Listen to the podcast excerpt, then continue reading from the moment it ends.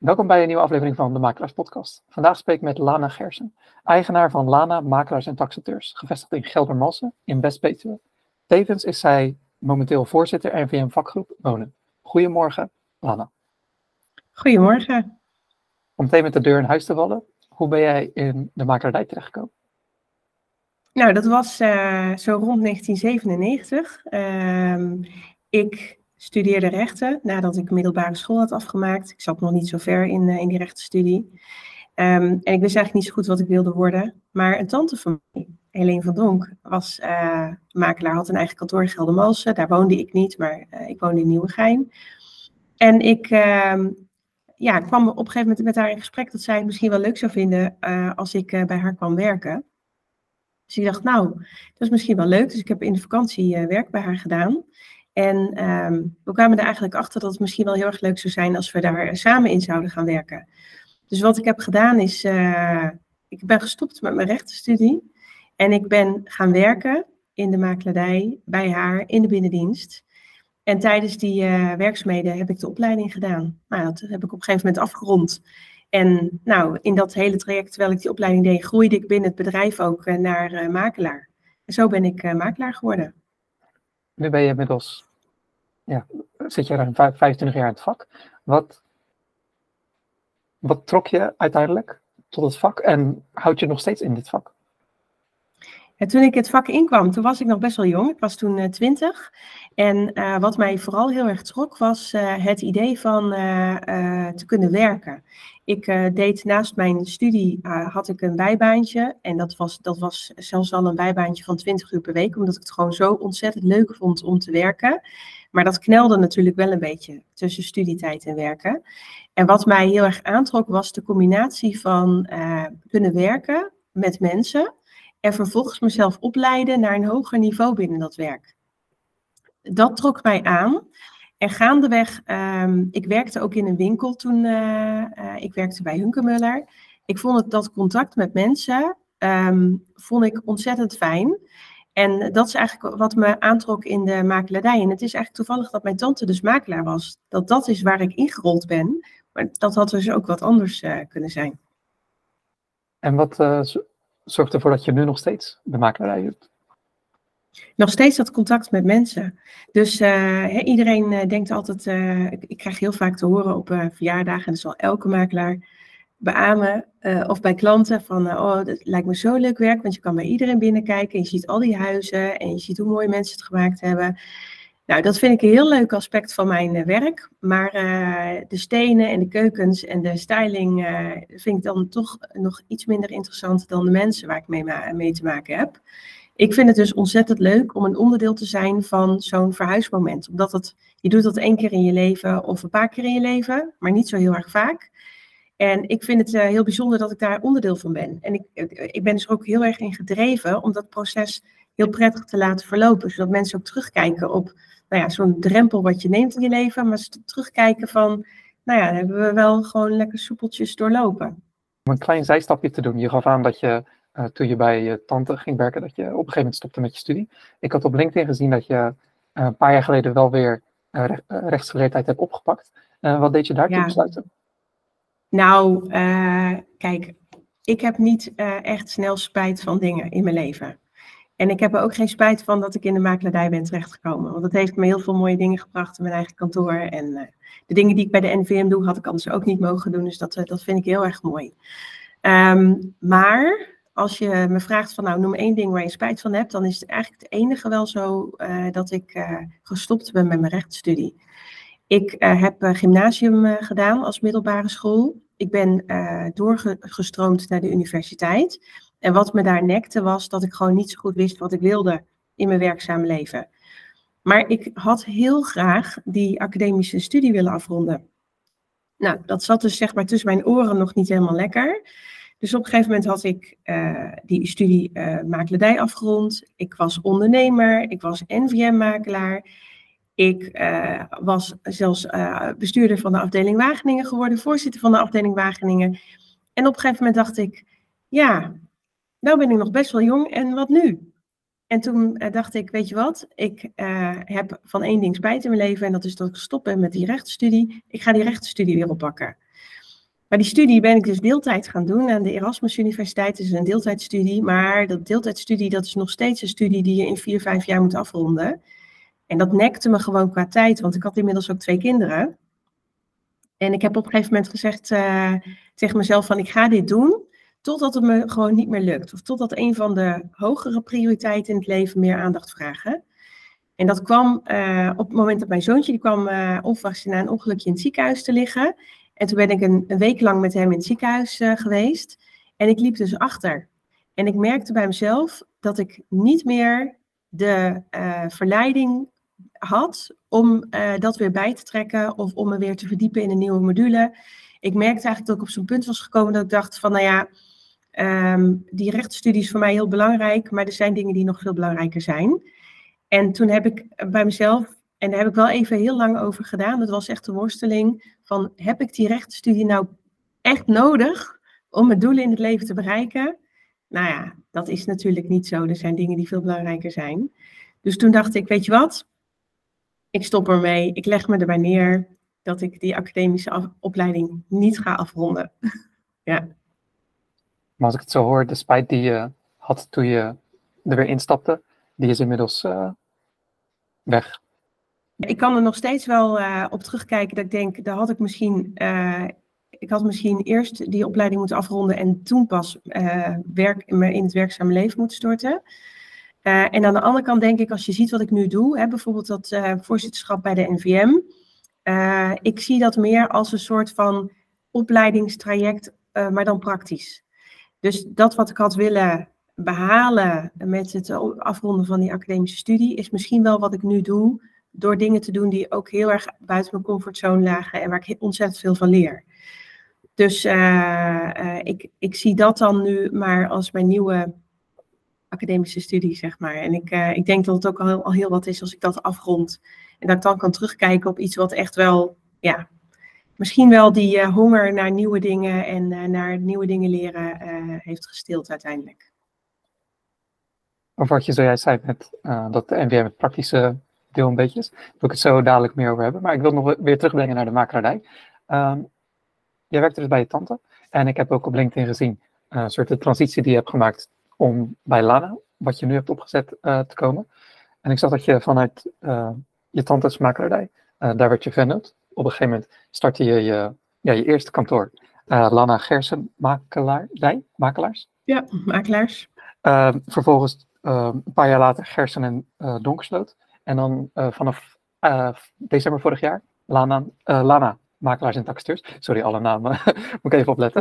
Ja. Um, zou je wat meer over die, ja, die verschillende transities kunnen vertellen? Wat je, vooral die ja. transitiepunten, wat je deed besluiten? Uh, ja. ja, want als je, als je terugkijkt, hè, dan, uh, dan bouwt zich dat op vanaf 2004.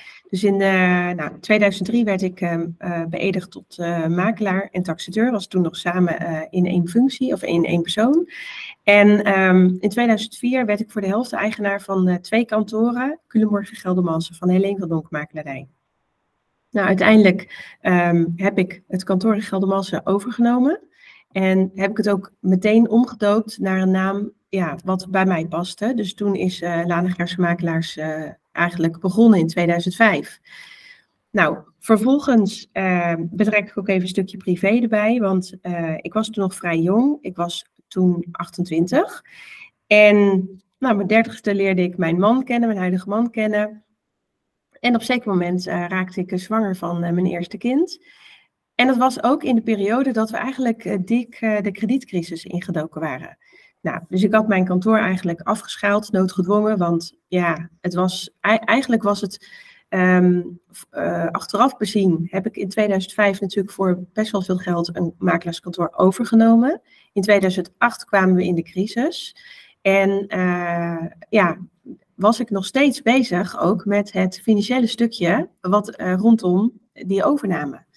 Dus ik moest heel snel en adequaat reageren op uh, de crisis. Ik heb mijn kantoor afgeschaald. Ik heb uh, mijn, mijn huurcontract van mijn uh, zakelijke pand liep af. En ik had een woonhuis in het centrum, dus ik heb besloten om mijn kantoor bij mijn woonhuis te trekken. Ondertussen kreeg ik een, mijn eerste kindje in 2010, mijn tweede in 2012. En op zeker moment, die crisis duurde eigenlijk langer dan ik had verwacht.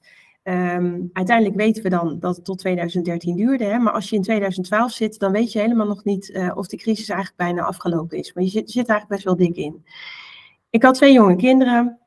Ik trok mijn eigen bedrijf alleen. En, uh, en het was eigenlijk bij mijn klanten wel heel erg kommer en kwel. Mensen die ontslagen werden, mensen die tot, aan de, tot het water aan de lippen hadden, financieel gezien, noodgedwongen moesten verkopen. Um, het was in de makelaardij niet per se een hele leuke tijd. En uh, ik kwam in gesprek met een concurrent uit het dorp, die um, eigenlijk met hetzelfde worstelde. En ook kleiner ging zitten qua huisvesting. En nou, ik zei tegen hem van, uh, het is eigenlijk bizar dat we allebei hetzelfde doen, allebei hetzelfde pad bewandelen, maar dat we niet de krachten bundelen. En toen zei uh, hij van, nou, misschien moeten we het daar eens over hebben. Nou, van het een kwam het ander. 2013 zijn wij een, een VOF gestart, dus een vennootschap onder firma. Vanuit die twee bedrijven, een soort uh, huwelijk onder gemeenschap van goederen, maar dan bedrijfsmatig. En dat werkte eigenlijk heel goed, want ik zat met die kleine kindjes en uh, we kregen wat meer dynamiek op kantoor. Ik had opeens een compagnon die ook gewoon uh, s'avonds doorwerkte. ik kon weer wat fijner op vakantie, want er was ook een compagnon die met personeel ja, de nodige dingen kon oppakken. En eigenlijk vanaf dat moment in 2013 klom die markt weer. En dat, dat was dus gewoon voor ons gevoel een soort 1 plus 1 is 3. Van nou, we waren samen gegaan, die markt die trok weer aan. Dus dat ging eigenlijk heel goed. We gingen weer verhuizen naar een groter pand en uh, kwam weer meer personeel bij. En dat ontwikkelde zich heel erg goed. Um, ondertussen werd ik ook voorzitter van de vakgroep wonen bij de NVM. Dus ik kreeg ook andere werkzaamheden erbij. En na negen jaar merkte ik aan mezelf dat uh, hè, mijn kinderen waren groter geworden. Alles liep natuurlijk door. Ik merkte gewoon bij mezelf dat ik niet meer helemaal lekker zat in die, uh, in die samenwerking. En toen heb ik dat met mijn compagnon besproken. En uh, uh, uiteindelijk aan het eind van het liedje heb ik uh, mijn aandeel aan hem overgedaan. en heb ik besloten om weer gewoon vanaf nul een nieuwe onderneming te starten. En dat was best wel een sprong in het diepe. Daar heb ik ook best wel even slapeloze nachten van gehad. Want ik dacht, wat doe ik mezelf eigenlijk aan? Maar toch was me er veel aangelegen om, aangelegen om weer gewoon mijn eigen identiteit neer te zetten zakelijk. En ik heb gemerkt in dat traject dat het ontzettend leuk is, want dat had ik dus eigenlijk nog niet gedaan. Omdat ik instapte in een lopende trein, had ik nooit een eigen bedrijf helemaal opgericht. Nou, dat heb ik vanaf 1 december gedaan. En ik kwam erachter dat het dus heel erg leuk is om dat uh, te doen. Nou, nu zijn we dus uh, bijna een jaar verder. En uh, ben ik wel heel erg blij met het resultaat daarvan. Dus dat is eigenlijk de uitleg van die hele transitie. Ja, dankjewel. Er zijn wat meer dingetjes uh, die ik aan wil haken. Maar de eerste die ik vaak aan makelaars vraag is: uh, hoe. Laten we even teruggaan in, in de tijd naar uh, Lana Gersen makelaars. Makelaardij. ja. toen je dus de vernoot werd en het overnam en de naam veranderde. hoe heb je op dat moment, na de naamsverandering, na, na de naamswijziging, hoe heb je toen je eerste klant weten binnen te halen? Nou, het aparte was, dat was dus, ik stapte eigenlijk in een rijdende trein. Dus ik, uh, ik uh, kocht dat uh, kantoor in Geldermalsen. Daar was gewoon een, klantenbestand. Mensen kenden mij al, want ik werkte al voor dat kantoor. Dus ik ging gewoon door met waar ik mee bezig was. Het enige is dat ik een, een andere naam en andere borden had. Maar mensen kenden mij al, waren vaak al wel mijn klanten. Dus ik heb al mijn klanten uitgenodigd voor een feestje. En uh, ik heb ze allemaal verteld wat ik van plan was. En iedereen is gebleven. Dus ik heb eigenlijk niet echt mijn eigen eerste nieuwe klant hoeven binnenhalen. Ik heb uh, eigenlijk gewoon de identiteit van het bedrijf aangepast aan mijn persoon. Maar de klanten had ik al. En dat vond ik zo leuk eigenlijk uh, vanaf 1 december. Dus toen heb ik wel mijn eerste klant moeten binnenhalen. En dat, dat was het verschil. Ja. En hoe heb je dat gedaan? Nou ja, het grappige is dat uh, ik, ik had, uh, ik ging die samenwerking, dat die zou stoppen op 1 december uh, van het afgelopen jaar. En ik had ervoor gekozen om niet aan de grote klok te hangen wat mijn plannen waren voor daarna. Ik dacht ook eigenlijk van misschien moet ik het gewoon ook wel lekker even rustig aan gaan doen. Want ik heb best wel heel druk gehad en misschien moet ik wel gewoon een half jaar eventjes niks doen of zo.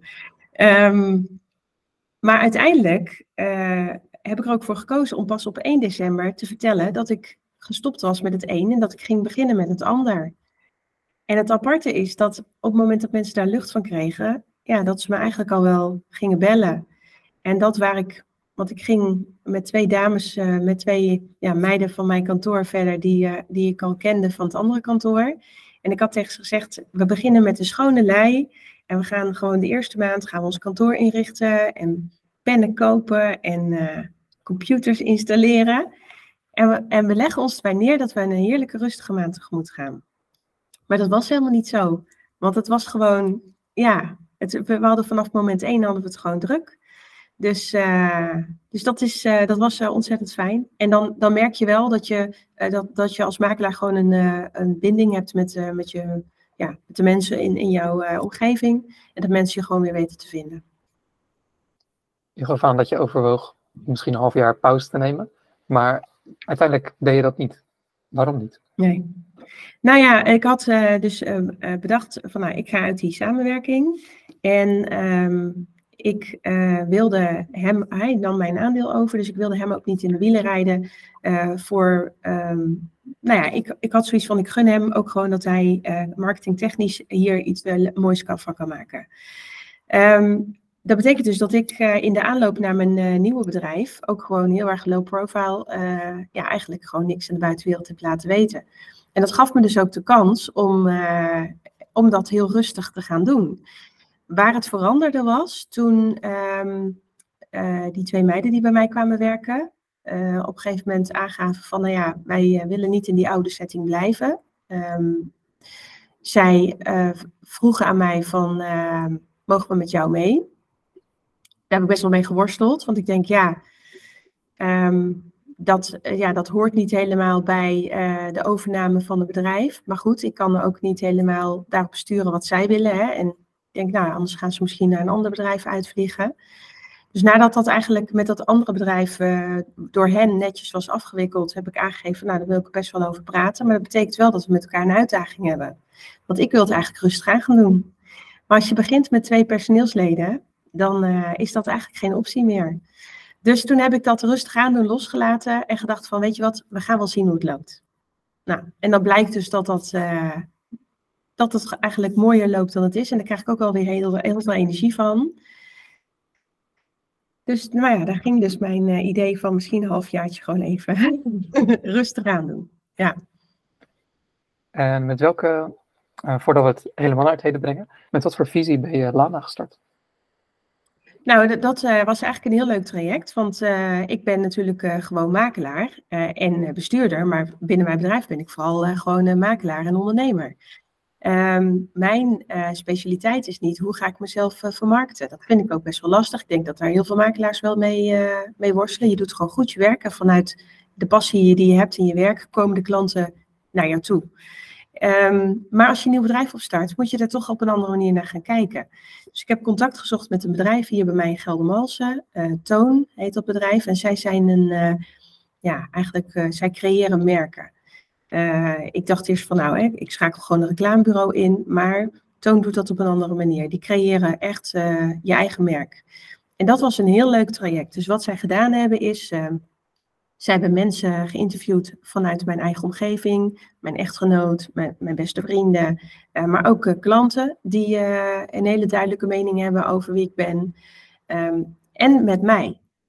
En ze hebben aan mij gevraagd welke kernwaarden heb je, um, waar associeer je je mee, wat zijn je lievelingskleuren, nou noem het allemaal op, hele gesprekken zijn eraan vooraf gegaan. En ze hebben dus al die klantgesprekken gedaan en gesprekken met mensen uit mijn omgeving.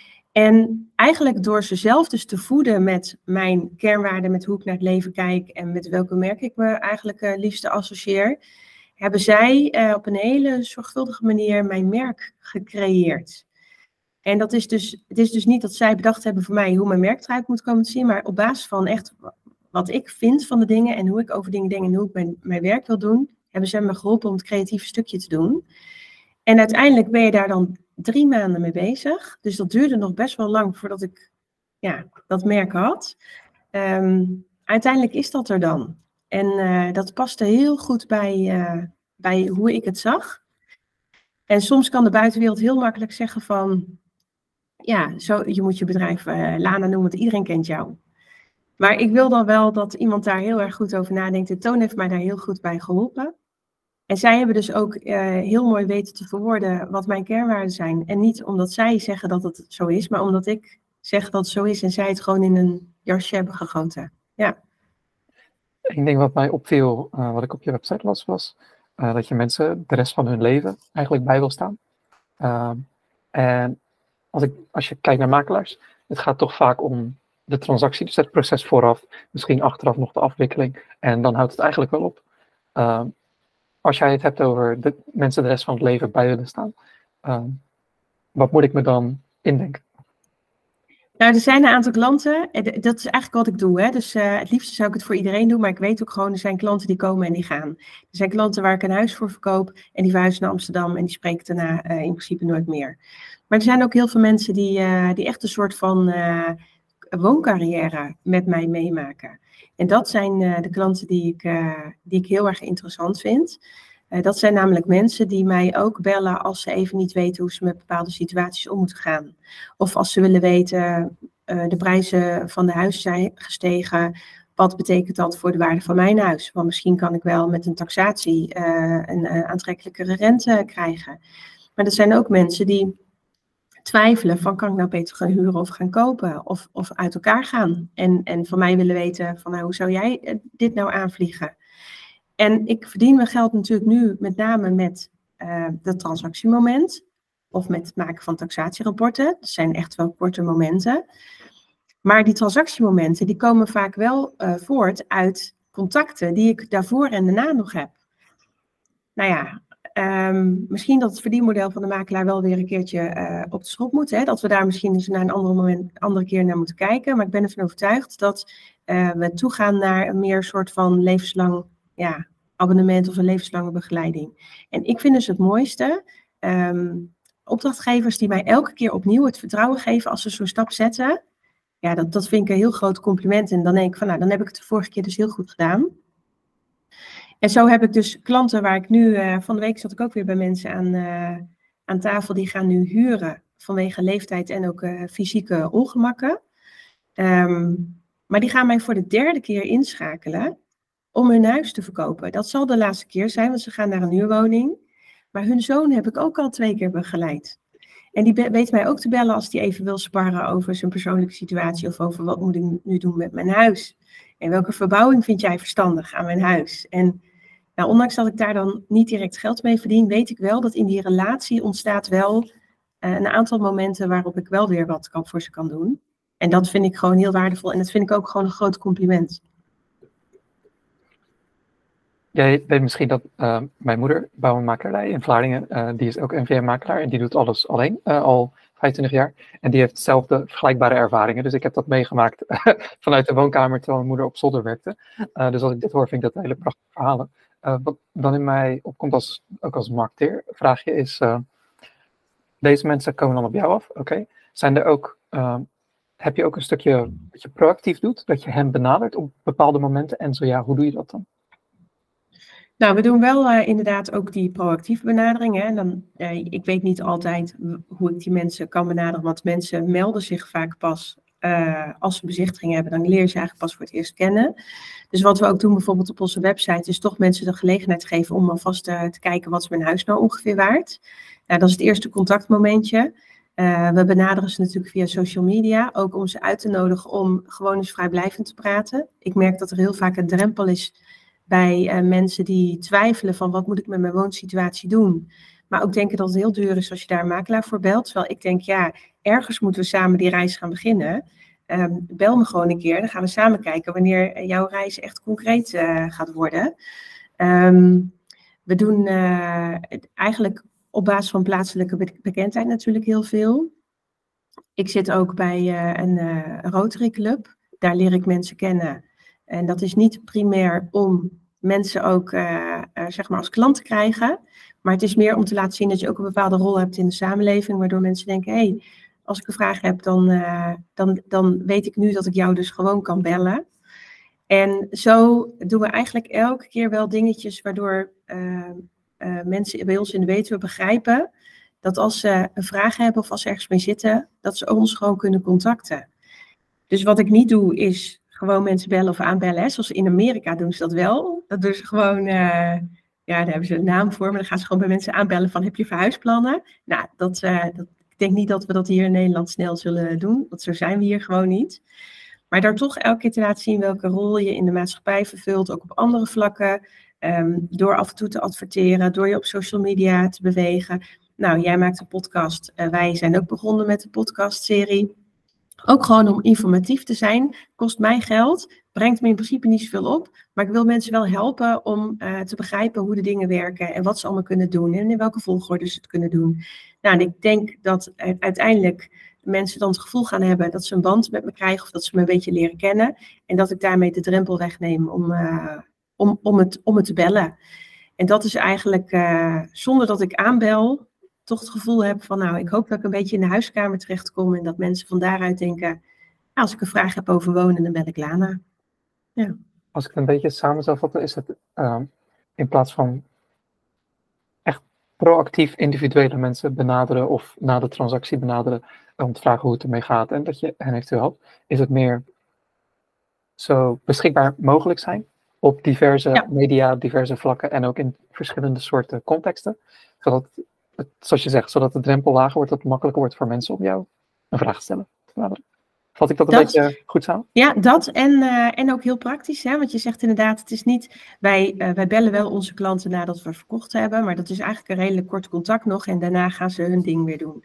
Um, maar het is ook heel praktisch. Ik woon in een dorp, dus ik kom uh, bij de Rotary kom ik oud klanten tegen. Als ik naar mijn duikvereniging ga, kom ik mensen tegen waar ik ooit wat voor gedaan heb. Als ik in de supermarkt loop of ik loop hier even het dorp in of de markt op, dan zie ik ook allemaal oude klanten en dan maak ik ik vind het wel heel leuk om een praatje te maken van hoe bevalt het jullie en zij ben je nog ergens tegen aangelopen. En, uh, um, en door dat te doen, door gewoon uh, een beetje zichtbaar te zijn, is, enerzijds dus wel proactief op mensen afstappen, maar niet zo proactief dat ik zeg van, joh, je woont nou vijf jaar in jouw huis, is het niet tijd om te verhuizen. ja, dus uh, het is een beetje de Nederlandse manier, denk ik. Ja. Ja, ik leerde meteen natuurlijk ook van. En de podcast vond ik ook heel leuk, vooral de eerste aflevering waarin je jezelf introduceert. En dat is uh, heel, heel kort. Uh, die zal ik ook in de omschrijving plaatsen, dat luisteraars en kijkers daarnaar kunnen kijken of kunnen luisteren. Um, om een brugje te maken naar jouw werkzaamheden bij de NVM. jij begon al redelijk vroeg in je carrière door dingen te doen bij de, wat is het? de afdeling in Wageningen. Um, en daar ben je inmiddels nu dan doorgegroeid naar de vakgroep wonen. en dat je daar voorzitter van bent geworden. Kan je allereerst wat meer vertellen wat je deed besluiten om zo actief te worden in ja, lokaal, regionaal?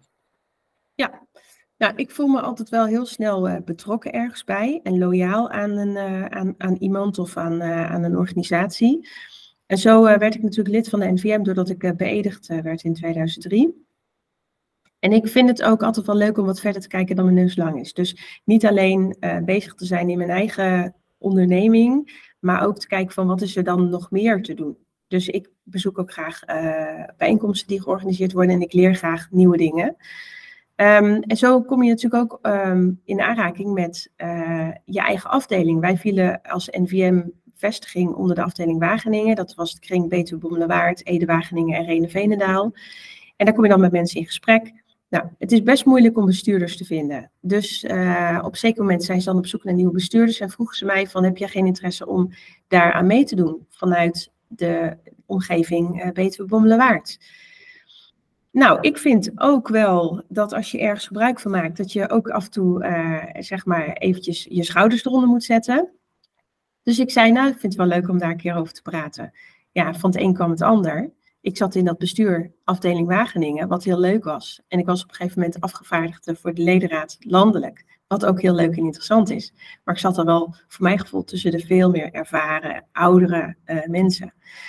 Uh, op een zeker moment werd onze voorzitter van de afdeling Wageningen, die uh, werd gevraagd voor het algemeen bestuur van de NVM. Dus zijn positie viel eigenlijk vrij. En hij zei eigenlijk, zoals het toen ging, dat, ik was toen echt nog wel een stuk jonger, ik was zeg maar, nou, 30 denk ik. Hij zei gewoon van, uh, nou, ik ga naar het algemeen bestuur, dan moet jij uh, maar voorzitter worden.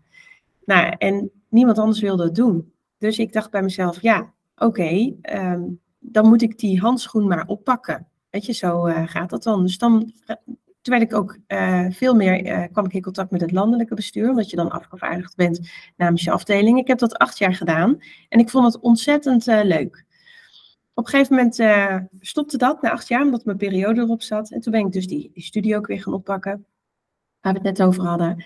En vervolgens uh, was mijn opvolger, die, uh, die benaderde me na een jaar of anderhalf jaar van ja, ik moet wat rustiger aan gaan doen en we vragen ons af of je terug wil komen. Ik dacht, nou, ik vond altijd wel heel erg leuk. Dus, nou, goed, ik kom terug. En ik was dus inmiddels wat ouder en wat verder. En er was wat gedoe binnen de NVM. En ik dacht, hoe kan het nou? Ik ben maar kort weg geweest. Waarom is er nou zoveel gezeur? Um, dus ik begon me daar wat actiever ook tegenaan uh, te bemoeien. En uiteindelijk komt het er een lang verhaal kort op neer dat uh, alles wat je dan al die jaren regionaal doet, dat, ehm, daar leer je heel veel van. En daar kun je dus landelijk ook wat meer je expertise en je, je, je, je, je mening erin geven. Um, maar er werd dus ge gezocht naar een, uh, een nieuwe voorzitter wonen. En toen zei ik, nou, ik wil wel helpen zoeken naar een goede nieuwe voorzitter wonen. Ik vind dat ik die verantwoordelijkheid mee, mee moet uh, dragen om, om een goede voorzitter te vinden. En dat lukte niet. we hadden toch niet de goede kandidaten. Dat gaat allemaal heel professioneel met de recruiter. Uiteindelijk ben ik uit die commissie gestapt en hebben, hebben ze gevraagd of ik, het, of ik op gesprek wilde komen. En toen ben ik op gesprek gekomen en zo rolde ik dan weer in de volgende functie. En dat is ontzettend leuk. Het, het verdiept heel erg je werkzaamheden als makelaar. Maar ik vind ook als je lid bent van een vereniging, geldt voor elke vereniging, is er ook een keer een tijd om ja, je bijdrage te leveren. Ja, vanuit dat gevoel ben ik dat dus uh, gaan doen. En dat, uh, daar heb ik heel veel van geleerd. Zou, je iets, zou je iets meer kunnen vertellen over uh, de werkzaamheden binnen binnen je functie. En je kunnen alleen over de huidige functie hebben, mocht het uh, heel veel verschillen. Nou als, uh, als afdelingsvoorzitter uh, leid je dus de afdelingsvergaderingen. En kijk je dus samen met je afdeling van nou ja, welke, welke voorstellen we willen doen richting de NVM landelijk. maar ga je ook kijken van nou, wat vinden wij dan eigenlijk van de voorstellen die vanuit de NVM landelijk gedaan worden. En dan ben je afgevaardigd bij de ledenvergadering namens jouw afdeling. Um, wat, uh, wat ik nu doe, is uh, zeg maar het voorzitterschap van de vakgroep Wonen landelijk. Wat ik onder andere doe, is het voorzitten van de ledenvergaderingen, twee keer per jaar. Daarnaast hebben we ook informele overleggen met de voorzitters om een beetje te kijken van nou, hè, welke ideeën hebben jullie, welke ideeën hebben wij, om daar zo goed mogelijk beleid voor te maken. Wat ik bijvoorbeeld ook doe is, uh, zoals gisteren, persconferentie kwartaalcijfers. Wij worden door de buitenwereld wel echt gezien als gezaghebbend als het gaat over de data uh, over de woningmarkt. Dus die presenteer ik dan samen met mijn uh, medebestuurslid uh, Chris van Zandswijk. Um, maar wat ik ook bijvoorbeeld doe, is ik zit namens de vakgroep wonen of namens de NPM bij minister De Jong aan tafel als het gaat over het beleid op wonen. Maar ik zit er ook aan tafel als het gaat over wat moet er gebeuren om discriminatie op de woningmarkt te voorkomen. Um, maar we organiseren ook heel veel dingen voor leden, zoals marktgroep uh, nieuwbouw, marktgroep uh, aankoop, uh, recreatie. En zo zijn we dus enerzijds heel druk met dingen te faciliteren voor leden en, en ook mee te denken met het algemeen bestuur van hoe gaan we ons vak relevant houden en wat is daarvoor nodig. En anderzijds nemen we een autoriteitspositie in en zijn we ook een klankbord voor minister, voor de overheid. En en pers. Hè? Dus, uh, dus het is heel divers. Het is een hele brede functie. Ja, en dat doe ik samen met mijn bestuur. En binnen dat bestuur hebben, heeft iedereen ook weer een eigen uh, taak. Ja. Waarom ik het ook vroeg, uh, was uiteraard voor luisteraars en kijkers. Zitten, er zitten ook NVM-makelaars onder. die hebben misschien niet het benul of het besef van hoe het er daadwerkelijk uitziet, wat je, wat je doet. Maar voor mij persoonlijk hoor ik ook heel veel als ik met makelaars spreek, dat ze geen tijd hebben. Dat is een van de, de meest voorkomende dingen uh, die ik hoor. En ik vraag me dan af, omdat je het nu al zo lang doet en ook uh, in, ja, zo vroeg in je carrière dit er al een soort naast deed. Uh, hoe heb je dat zelf ervaren met geen tijd hebben en op momenten dat het ook daadwerkelijk druk was, eventueel met je kantoor, maar daarnaast dan ook met de NVM? ja, hoe ging je daarmee om? Nou, dat is, dat is dus een kwestie van keuzes maken. En dat is echt uh, dat is lastig hoor. Want uh, kijk, dat uh, afdelingsbestuur, dat is op zich wat te doen. Dat is te doen naast je normale werk en te doen naast gezin. Wat ik nu doe, is echt een, um, een baan erbij. Voor, voor minimaal drie dagen in de week. Vaak is mijn agenda vier dagen in de week, kriskras door mijn agenda heen.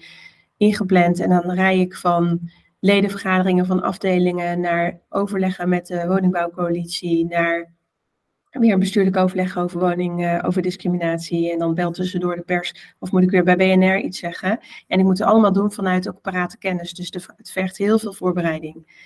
Nou, dat is bijna niet te combineren met alles wat ik ook nog zou willen doen. Dus dat is een kwestie van keuzes maken.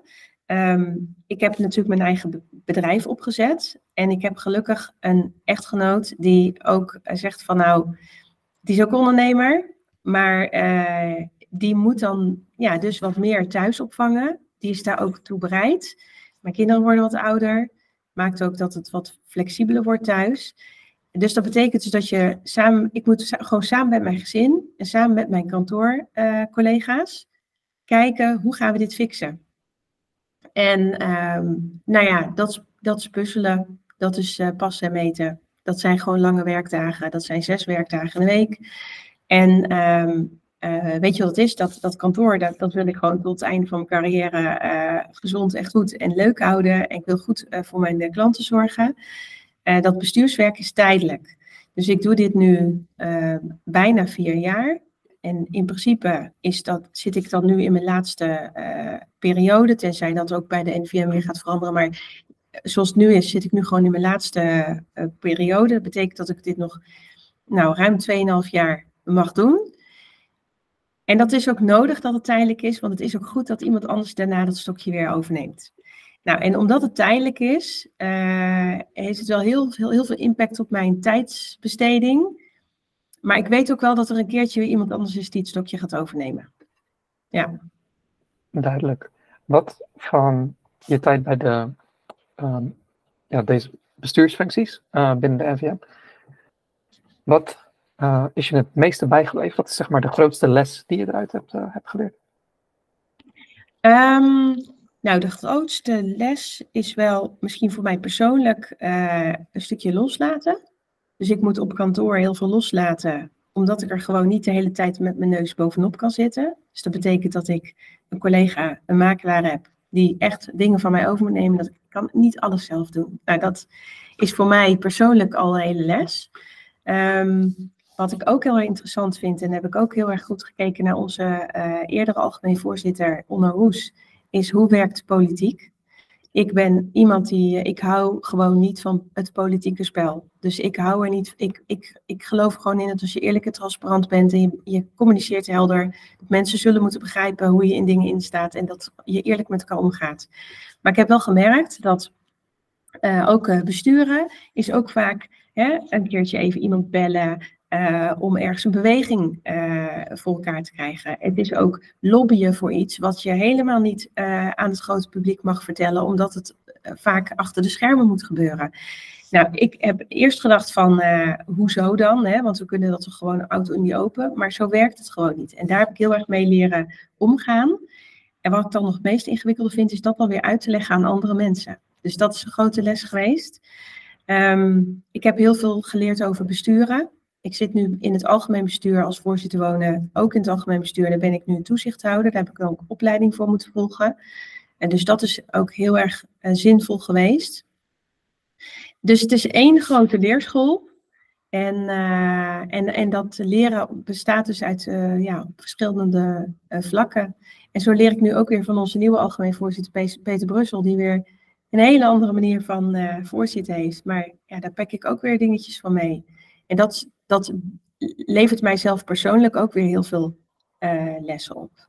Dus, uh, maar ik denk dat uh, leren loslaten het grootste, ja, het, het grootste onderdeel is. Ja. Ik word er zelf enthousiast van.